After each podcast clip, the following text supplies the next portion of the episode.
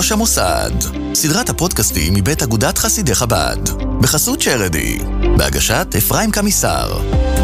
שלום עליכם, ברוכים הבאים לפרק נוסף בסדרת ראש המוסד של אגודת חסידי חב"ד. אנחנו כבר בפרק החמישי היום, והמרואיינים שלנו מעניינים ומרתקים משבוע לשבוע. כל כוונתנו להשאיר אתכם השלוחים בידע נוסף ובטיפים מועילים מבעלי ניסיון, גם הוותיקים וגם מהצעירים שפועלים במלוא המרץ להרחבת המלוכה של הרבי בכל אתר ואתר. ראשית נודה לאורח שלנו בפרק הקודם, אורח שנעדיף לא להיתקל בו ביום-יום, אלא רק בשמחות, או רק במחלקת היולדות, מנהל לב חב"ד בבתי הרפואה, הרב לוי מנדלסון, שיחד עם השלוחים המסורים בכל המרכזים הרפואיים, מקימים קהילות בכל מסדרון, כפשוטו. בסיום כל שיחה שלנו ממתין לכם טיפ חשוב מצ'ארידי, השותפים שלנו במיזם הנפלא הזה. אל תפספסו גם את הטיפ הפעם. 20 דקות זה הזמן שלוקח להגיע מכפר חב"ד לנמל התעופה בן גוריון. 20 דקות זה הזמן שלוקח להגיע מצפת למירון. 20 דקות זה הזמן שהקצבנו לכל מרואיין שלנו. אנחנו משתדלים מאוד לעמוד בזמנים. אז עם מי נשוחח הפעם? הוא נולד בבת ים, אביו הוא הרב מנחם ברוד, עורך שיחת השבוע וספרי חב"ד לציבור הרחב. עם המעבר כילד לכפר חב"ד, נחשף עוד יותר לעבודתו של אביו בדוברות צעירי חב"ד, וראה כיצד להנגיש נכון את היהדות לציבור הישראלי. לאחר חתונתו יצא יחד עם רעייתו לשליחות בעיר החוף נתניה, תחת השליח הראשי, הרב מנחם וולפו. עם בואם לעיר פתחו בית חב"ד באזור חדש, רמת פולג ועיר ימים. הם הקימו בשכונה בית כנסת מפואר, בית חב"ד מפותח, ומעל הכל הוא ואשתו, הרבנית השליחה, מצליחים למצוא שבילים ללבבות התושבים בשכונה, שאינה דתית, והכל מתוך הארת פנים וחיוך תמידי. שלום לשליח, הרב שניאור ברוד. שלום וברכה. אנחנו רוצים לשמוע ממך, איך בימים הללו, בתקופה הזו, מקימים מרכז חב"ד בעיר. אנחנו מכירים את בתי חב"ד שקמו לפני עשרות שנים, איך התחילו אז, איך התחילה הפעילות. היום הכל כבר אחרת. המוסד שלך, סמל ודוגמה לאיך עושים את זה בימים הללו. בוא שתף אותנו. טוב, אז בוא נתחיל מכך שזה אה, לא קורה היום. היום זה אולי מסתיים, אבל זה תהליך שכבר מתפרס על פני כמה וכמה שנים. אה, זה לוקח זמן. מה אתה מתכוון מסתיים? מגיע לצבע עכשיו, מלא. אנחנו עכשיו מגיעים ממש אה, לעבודות גמר בבניין. עבודות גמר, כך ש... ממש לקראת כניסה. כלומר, רואים כבר את אה, מסלול הנחיתה. אבל זה תהליך, תהליך שלוקח זמן. הוא דורש סבלנות והתמדה, ולא פחות... מאיפה מתחילים? מאיפה מתחילים? הבניינים שלכם, השכונה שלך, הרב ברוד, זה אותם בניינים עצומים שרואים כשנוסעים על כביש החוף ליד נתן, נכון? הבניינים הכחולים הגבוהים. כן, נכון, הבניינים שמאירים אליכם לכביש החוף. מאיפה, מאיפה מתחיל השליח בכלל לחשוב שהוא יקבל שם שטח לבנות מרכז, מרכז קהילתי? ה- ה- ה- הכל שם כל כך יקר, הכל כל כך מבוקש. איך בכלל מקבלים מקום בשביל לבנות מרכז קהילתי? תראה, זה באמת מתחיל קודם כל אה, מתוך ההבנה והידיעה, קודם כל שזה מה שהרבי מצפה מאיתנו. זה מה שאנחנו מוכרחים אה, לעשות כדי באמת להצליח. אה, כשאתה מבין שאין לך ברירה במרכאות, כשאתה מוכרח אה, להשיג את המקום הזה, אז יוצאים לדרך. אה, אני זוכר אגב שכשהתחלתי אז התייעצתי עם שליח ותיק אה, שבנה לפני לא מעט שנים, אמרתי לו תן לי טיפ, תן לי עצה טובה. הוא אומר, אתן לך עצה אחת טובה, הוא אומר תצטלם לפני. אתה לא הולך. אתה לא הולך להיראות אותו דבר אחרי. וואו. אה, לא, אני בסך הכל נשארתי די אה, נכון, אתה יכול כן. להעיד. יושב מולי הרב ברוד, צבע ג'ינג'י מלא. עוד אין שערות לבנות. אה, אבל זה באמת לוקח זמן, אה, הרבה מעבר למה שאפשר לשער בתחילת הדרך. אה, ואולי- איפה מתחילים? צריך קודם כל שה... שהסביבה תהיה איתך ותרצה? זה צריך להגיע מצד האנשים המקומיים, או שזה מגיע רק כרצון שלך, אני אעשה את זה, ואפשר לבד? טוב, זה חייב להיות משולב, שאלה מצוינת. זה קודם כל צריך לבוא כמשהו מבפנים, איזשהו דחף חזק מאוד אה, שיושב אצלך, והבנה שמוכרחים, כי זה לא משהו שאפשר לעשות תוך כדי, או על הדרך, או כאיזשהו עיסוק שולי. זה פול טיים ג'וב, כשנכנסים לבניית מרכז. לגמרי, לגמרי, זה שואב אותך, זה מעסיק, יש תקופות יותר, יש תקופות שפחות, אבל זו לגמרי תעסוקה מלאה. שלב ראשון, נוטשים עיניים, לכיוון אותו ביטן קטן של המרכז מבקרים של, ה, של הפרויקט? איפה מתחילים לחפש מקום באזור? הרי האזורים כל כך מבוקשים בשכונות של היום. נכון, תראה, אנחנו קודם כל מדברים על אה, תהליך שהוא קיים ברוב המקומות בארץ, אה, בשונה מחו"ל, ששם אנחנו בעיקר עובדים על רכישת מגרש או, או, או בניין. פה זה הקצאות? פה אנחנו מדברים בעיקר על הקצאות קרקע. אה, זה הסיכוי הטבעי ההגיוני ברוב המקומות. איפה מתחילים? יש איזה מומחה עירוני ש, שמייעץ לשליח מאיפה להתחיל עם העניין הזה של הקצאת שטח? תראה, הבעיה היא קודם כל שאין, זו בעיה. אוקיי. צריך גם להתייעץ עם מי שכבר עבר את זה, ואפשר לחסוך הרבה מאוד, אה, הרבה מאוד אה, כאבי ראש בדרך. אה, אני באמת חושב שצריך פה חיבור של שני האלמנטים, צריך פה גם את הרצון ואת הבעירה. אין תחליף לבעירה פנימית שיושבת אצלך ואומרת, אני חייב את זה, אני צריך את זה, או אם תרצה, אי אפשר אחרת. באמת אי אפשר, כי אין דרך להצליח בלי שיש לך מבנה, והרבה גם מדבר על זה באינסוף מקומות. בית, מקום קבוע, הוא אבן שואבת. כי עד למבנה באמת, מהיכן יצאה הפעילות? זהו, אתה מתנייד, אתה מחפש את עצמך, אתה יושב על זמן שאול, אה, טובות של אנשים, אה, הרבה מאוד כספים שהולכים.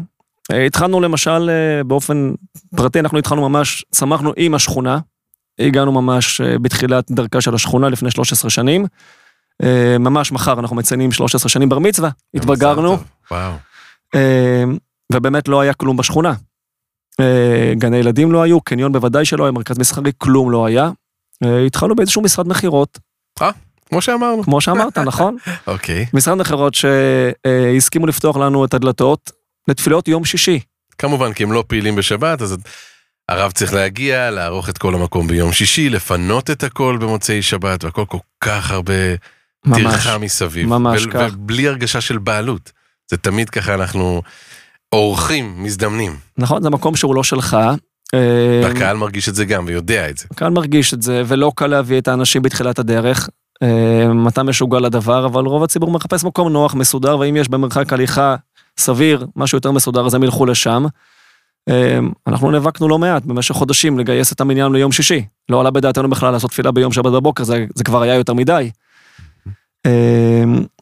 ואני לא אשכח את, ה, את הרגע הזה שבו אה, אה, הודיעו לי מהמשרד מכירות שזו הם צריכים להתפנות כי הבניין מתאכלס וצריך אה, לסדר שם את השטח. ואני עומד שם ובעיניים דומעות ורואה איך הבניין מתפרק, אני כאילו מרגיש, הלו, מפרקים לי את, את המבנה. ואין לך, לך מוצא, אין לך לאן ללכת. ואז מתחילים להבין שצריכים לצלול לעניין ההקצאה. כן. להיכנס לזה באופן אה, אנחנו די, רשמי. די מהר הבנו את זה, והבנו שחשוב לעשות את זה כמה שיותר מוקדם. אה, להקדים, שמא יקדימנו אחר. איפה? איפה מתחילים כל כך הרבה שלוחים שומעים אותנו עכשיו? ראשי מוסד.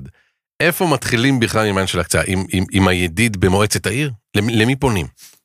אין ספק שזה מתחיל, אה, כן, קודם כל בתוך הרשות. אה, כדאי למצוא מישהו שמכיר, במקרה שלנו יש את המערכת המרכזית של חב"ד בנתניה, שהיא מכירה, שהיא עזרה להוביל את התהליך בוודאי בראשית הדרך וגם בהמשך. אמ, צריך להכיר שם את האנשים ומאוד חשובה ההיכרות הזו. אמ, אנחנו הגענו אה, באופן, אה, באופן די תמים אה, לרשות, בלי, בלי, בלי לחפש כרגע דחיפות מסוימות או פרוטקציות, ואמרנו שלום, אנחנו קבוצת תושבים, אנחנו רוצים להבין איך זה עובד.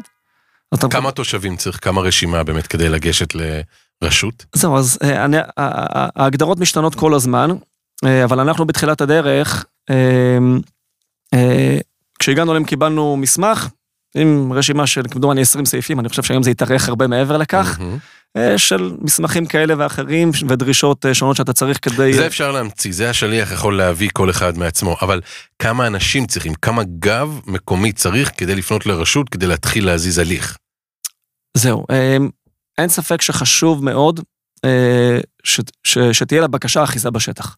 זאת אומרת שהשטח יהיה איתך. יש מינימום של אנשים, יש חתימות הרי. נכון, נדרשנו להגיש חתימות של כמה שיותר אגב, אה, אבל גם ההליך עצמו יכול לעורר תמיד שני צדדים לכאן ולכאן, צריך תמיד לשקול את זה. אה, כי אנחנו... הרבה פעמים גם תהיה את הרשימה שכנגד. רשימה שכנגד. שמבקשת או, אה, להזיז או... את המוסד קצת החוצה. נכון, או התנגדויות שיכולות להתעורר וכדומה. אמ, אבל אני באמת חושב שאולי כנקודת מוצא מקדימה, אה, בכלל כששליח פועל במקום, כשהוא עובד במקום, אני מניח שהוא לומד להכיר את האנשים הדומיננטיים. היום הרבה יותר קל אגב לזהות אותם, דרך הרשתות, דרך כל מיני אה, מקומות כאלה ואחרים. קודם כל לנסות לקשור איתם קשר. להכיר את האנשים שהם מובילי דעת קהל באזור, בסביבה, הם משפיעים, הם מוכרים, אה, וללכת איתם. לנו היה מה שמוגדר ועד שכונה, אמנם לא רשמי. במשך הזמן קשרנו קשר עם כל אחד מהם, נוצרה ידידות, נוצר אימון, וועד השכונה הוא זה שעמד בחזית התהליך. היה איתכם. היה איתנו לחלוטין. זה ממש אה, מעין עולם הבא. נכון. כל אה, שליח מייחל לזה. נכון, אבל אני חושב שאפשר לבנות את התהליך הזה בצורה נכונה. אה, אין סיבה שזה לא יקרה, יש לכבד אה, תודעה חיובית בציבור. אם אתה אה, עושה את הדברים הנכונים, אין סיבה שאנשים לא ירצו להתקדם איתך, אלא אם כן מישהו מובנה אה, ברמת ההתנגדות שלו. אה, ובאמת המ- המסר היה, ו- ו- ו- והסוד בסופו של דבר, כשאני מנסה לנתח לאחור את, אה, את הסיבה שקיבלנו את הקרקע, שהיא באמת אה, לא מובנת מאליה. במרכז השכונה, ב- בלב העניינים. במרכז השכונה, בלב לא העניינים. יאמן. אה, אנחנו אגב הראשונים שבונים, מקימים באמת מרכז מאוד מאוד גדול, אנחנו לקראת סיום כפי שאמרתי. אין לקראת סיום, הרב ברוד. נכון, הטיפ הוא לעולם לא לסיים בנייה, נכון? לגמרי. תמיד לגמרי. להמשיך, לקראת סיום של החלק הראשון. של החלק הראשון. העובדה היא באמת שהציבור אה, עמד מאחורינו, זאת אומרת בעירייה הבינו שהציבור איתנו, שהציבור רוצה שחב"ד יקימו את זה, אה, ולכן גם אם היו שיקולים אה, אחרים שאולי לא תמיד תמכו ברצון לתת לחב"ד לאורך כל הדרך, הציבור היה חזק יותר, ואנשי ציבור מטבע הדברים רוצים לרצות את הציבור.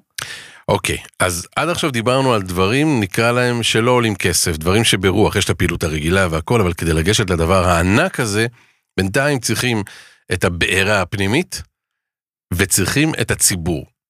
מתחילים לגשת לתהליך.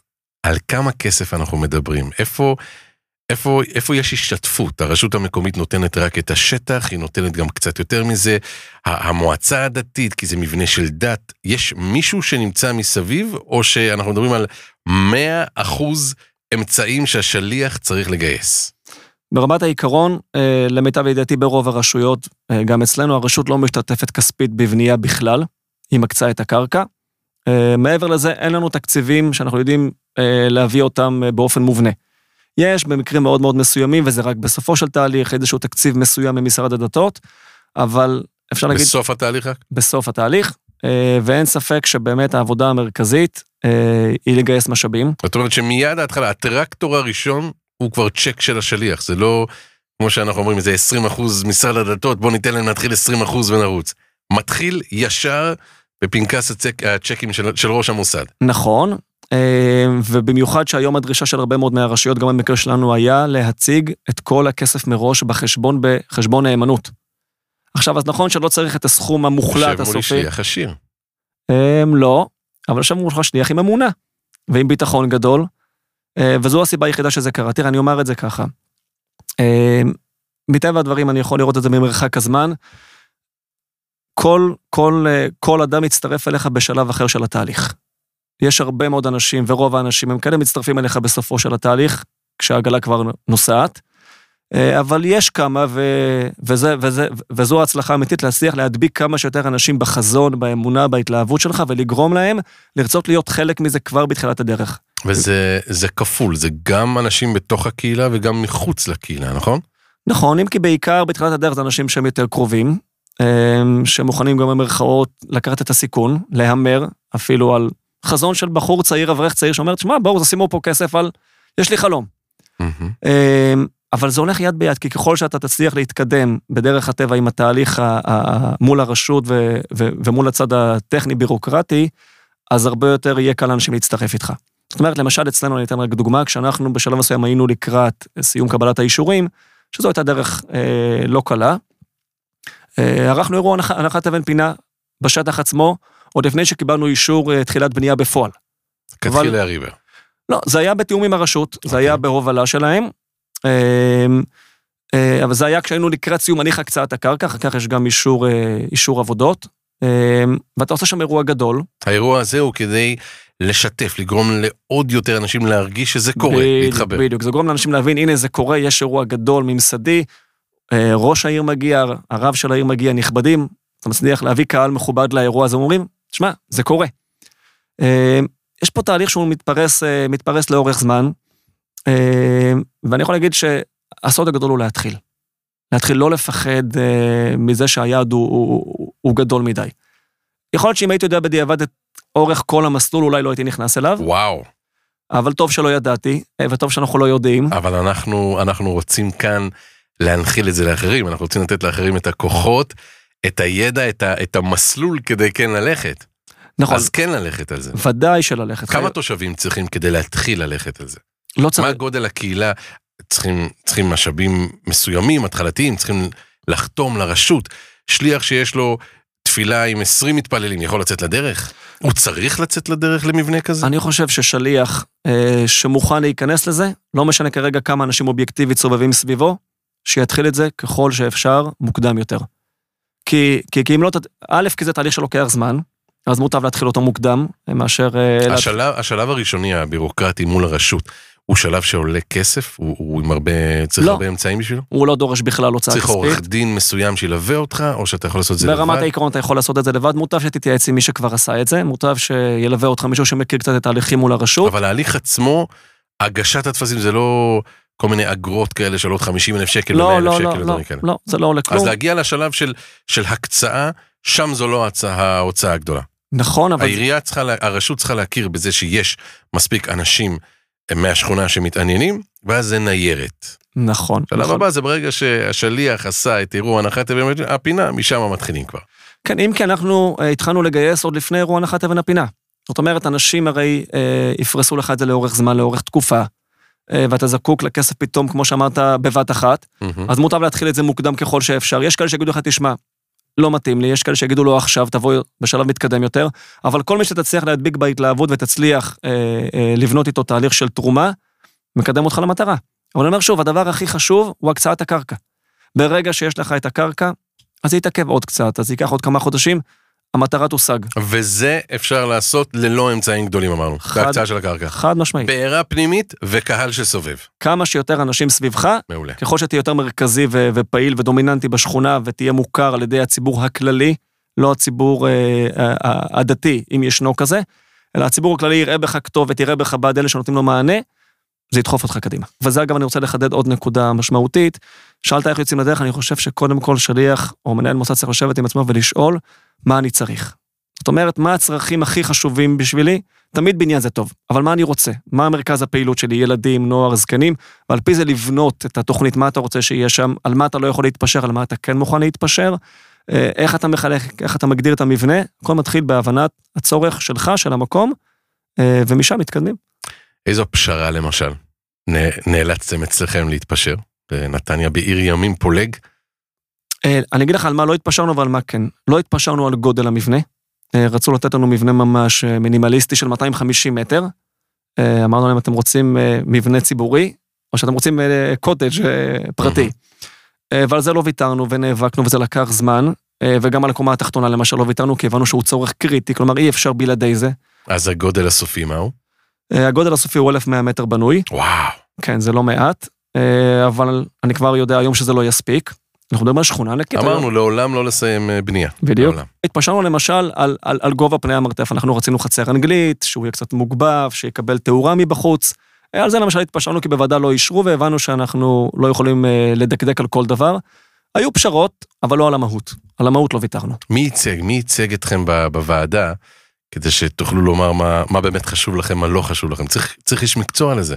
אברך צעיר לא, לא מכיר בפרטים הללו.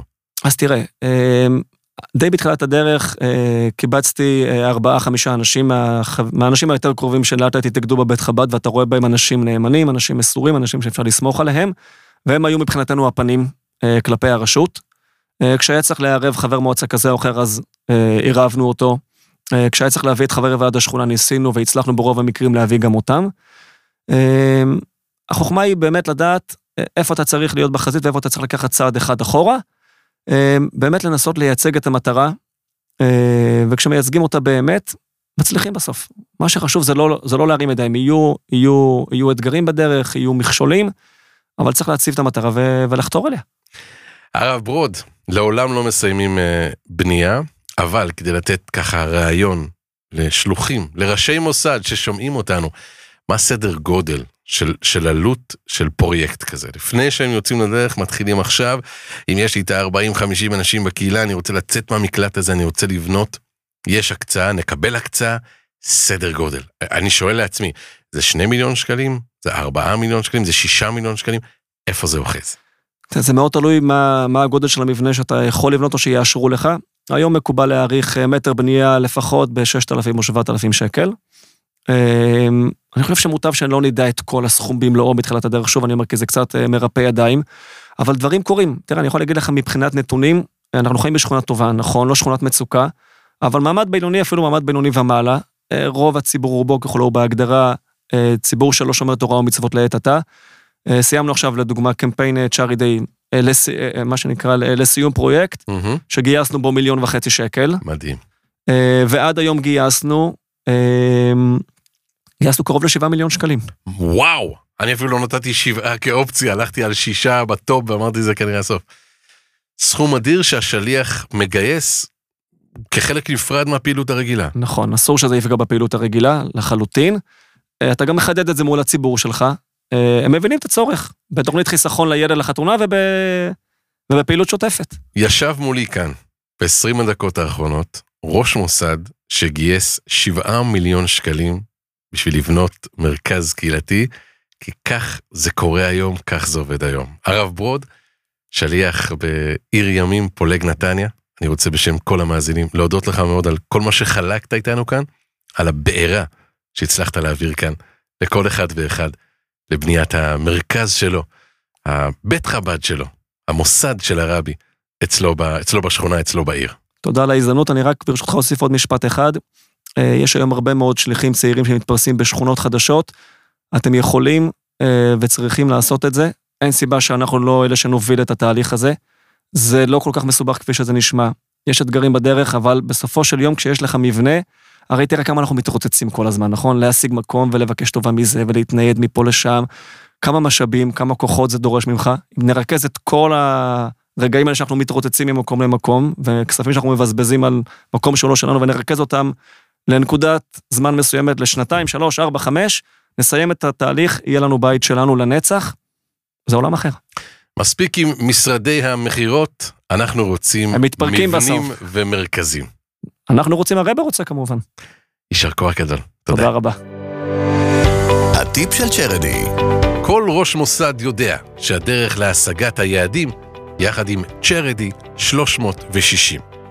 מהם המילים הנכונות בדרך לליבו של התורם?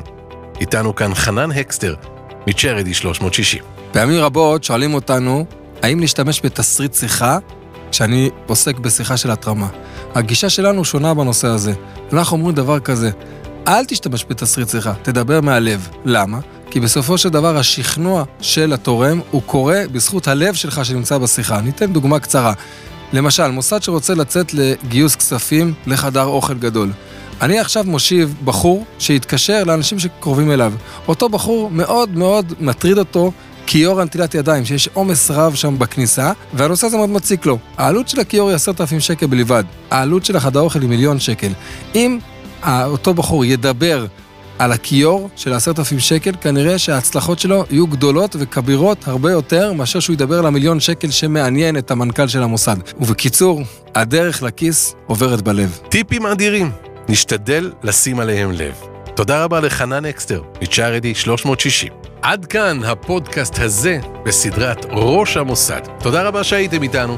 תודה רבה לאברהם ישחקוב ואורי כהן. אנחנו נשתמע בפודקאסט הבא.